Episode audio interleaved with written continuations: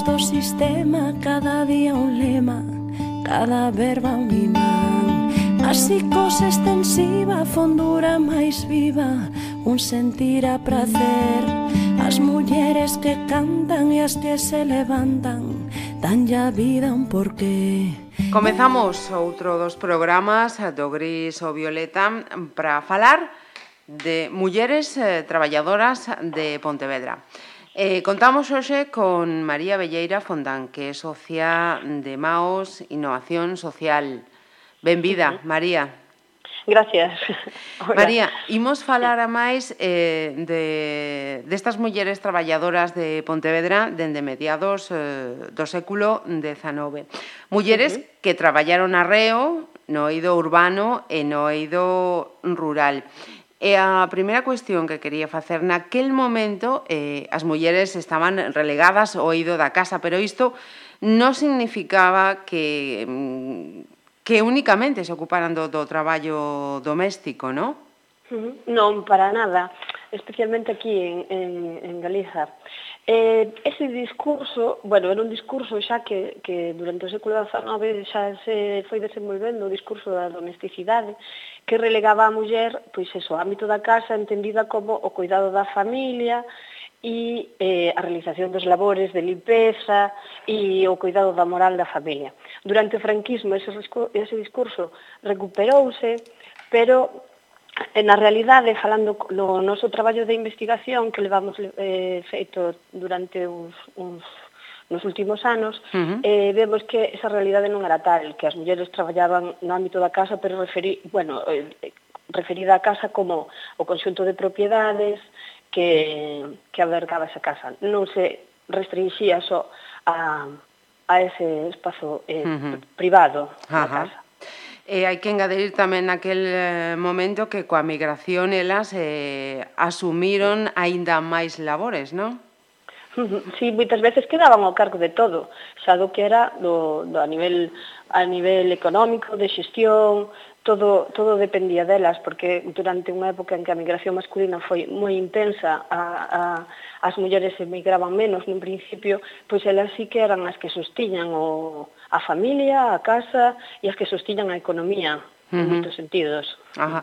E, e falando da, da migración, decías eh, moi ben que foron eh, os homes maioritariamente os que emigraron, pero elas eh, tamén saíron eh, fora a buscar unha vida mellor. Neses casos, efectivamente, o traballo que, que, que atopaban era mellor que, que, que as condicións ou que os traballos que tiñen aquí? Sí, eso sucedeu sobre todo xa en épocas máis recentes e que uh -huh. se incorporou moito de forma máis efectiva a, a, a emigración. E os traballos que facían normalmente eran traballos que as, as propias cidadás dos, dos países de orixe non querían. Eran traballos moitas veces de limpeza nas casas ou en fábricas.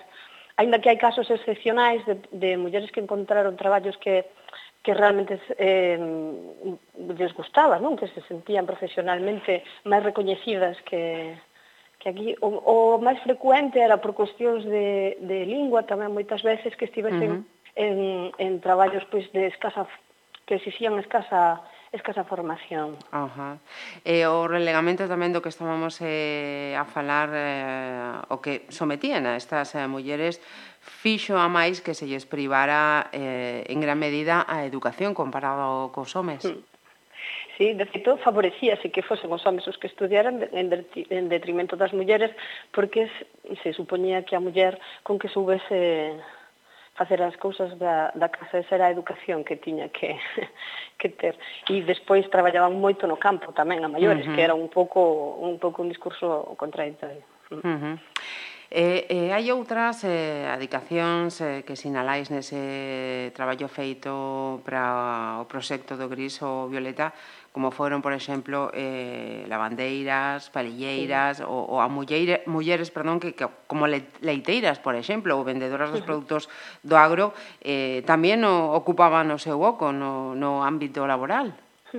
Sí, e moitas veces teñan, bueno, teñan moita relevancia, de feito, porque nos centramos o noso traballo de investigación na, nas mulleres que traballan eh, sobre todo desde o ámbito rural, tanto uh -huh. no, no, bueno, mar e, e o e o campo. E, e o traballo de leiteira, pois sí que era, era un deses traballos que se facían de cara á cidade, que era a venda de, de excedentes. Uh -huh. Todas as leiteiras pois baixaban cos a vender o leite e eso supoñía para elas moitas veces ingresar diñeiro en efectivo, que era a falta que, que máis tiñan. Uh Entón, dáballe elas ao vender o leite, despois moitas veces incluso compraban pois o peixe ou algún outro produto que facía falta na, na casa. E eran, pois eso, que si, su, era un sostén para moitas familias, claro, uh -huh. contribuía á economía familiar. Ajá. Eh, eh, voltando ao eido do, do, do agro, no? deses traballos, sí. eh, facían mm, calquer traballo, igual que os homes? igual, sí, ou máis, eu quedo sorprendida da cantidade de, de, de historias que nos contan, de mulleres eh, rompendo pedra, facendo estradas, eh, picando, eh, non, non había esa distinción que, que se fai que os homens son os traballos máis máis de forza física uh -huh. e, e as mulleres máis o que é o, o a produción, a, co a colleita e da... non, non para nada, elas traballaban no monte, traballaban facendo estradas, en canteiras, mm, non. O sea, que esa diferencia no, notaríase eh, hoxe máis que máis que entón. Nalgún sentido si. Sí. Ajá, uh -huh.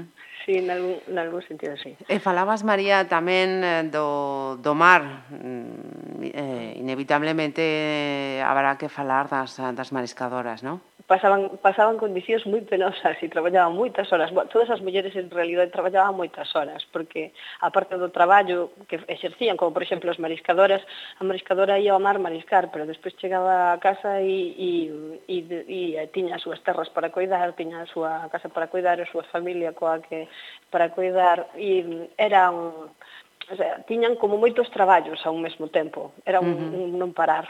Uh -huh. e as, as Pois no caso concreto das, das mariscadoras tamén a, as condicións foron cambiando moitos, pero eh, nun principio apenas tiñan medios, non había traxes de auga, entón ian ao mar en inverno, así, sen, sen apenas... Sen protección. Sen apenas medios, sí. Uh -huh, mm. uh -huh. Eh, en que momento, eh, cales foron os, os, mm, as actividades eh, eh, que desenrolaron las mulleres cando eh, eh poideron incorporarse eh, o oído industrial, a actividade industrial? Pois unha das primeiras foi o, o das conserveiras, que foi un sector que acabou aquí certa importancia e E nas conserveiras houve, houve moitas, eh, sí que houve moitas mulleres a traballar. Uh -huh. Mulleres que ocupaban postos de bueno, eran traballadoras que apenas ocuparon postos de relevancia, pero que, que eran maioritarias traballando nas conserveiras. Uh -huh. E despois pois, encontramos eh, encontramos outros tamén na a Pontesa, por exemplo, Ajá. foi aí en Ponte Sampaio foi outra das fábricas que acolleu moitas mulleres a uh -huh. traballar. Sí.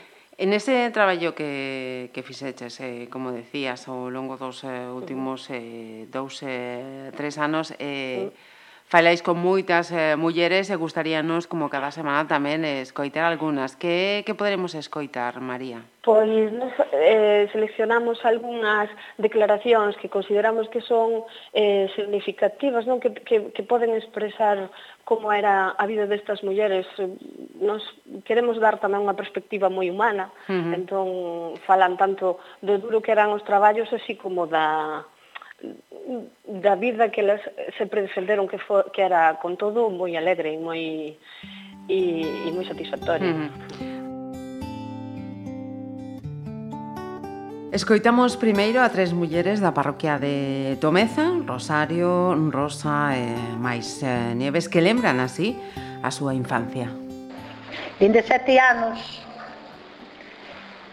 tuve que ir a traballar, mariscadora, labradoras, tronxando leña, partindo leña. 60 kilos dende Castiñeira á finca de Lourixán con semilla de arcolito. Sabéis lo que é es eso? 60 kilos enriba desto. Enriba da cabeza, ¿no? En riba da cabeza.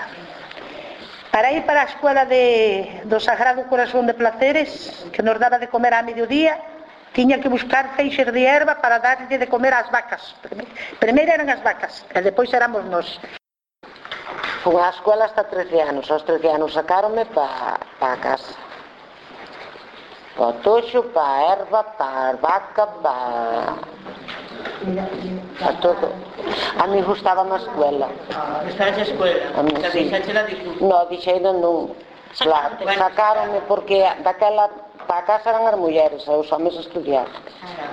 Foi o meu caso. Que a, a quen quería que estudiar era a meu irmán, a mí non. E cando era rapaza, non poden ir ao colegio, por, por iso agora non sei ler, sei algo pero pouco, porque tiña que ir polas casas a pedir un cacho de pan e irlle coa vaca aos veciños para que me deran un cacho de pan. Levabas a vaca do veciño a... As veigas dos veciños. entonces dábame de desayunar a máis con un cacho de pan, porque miña nai iba para a canteira, ganaba 12 pesetas, e iba á casa deste señor, da nai, e valía un kilo de farinha, non na casa da nai deste, na casa de todos, 12 pesetas, o que ganaba ela no monte todo o día, unha pouca farinha para a noite, revolvela como se fora pojando, e comela nos.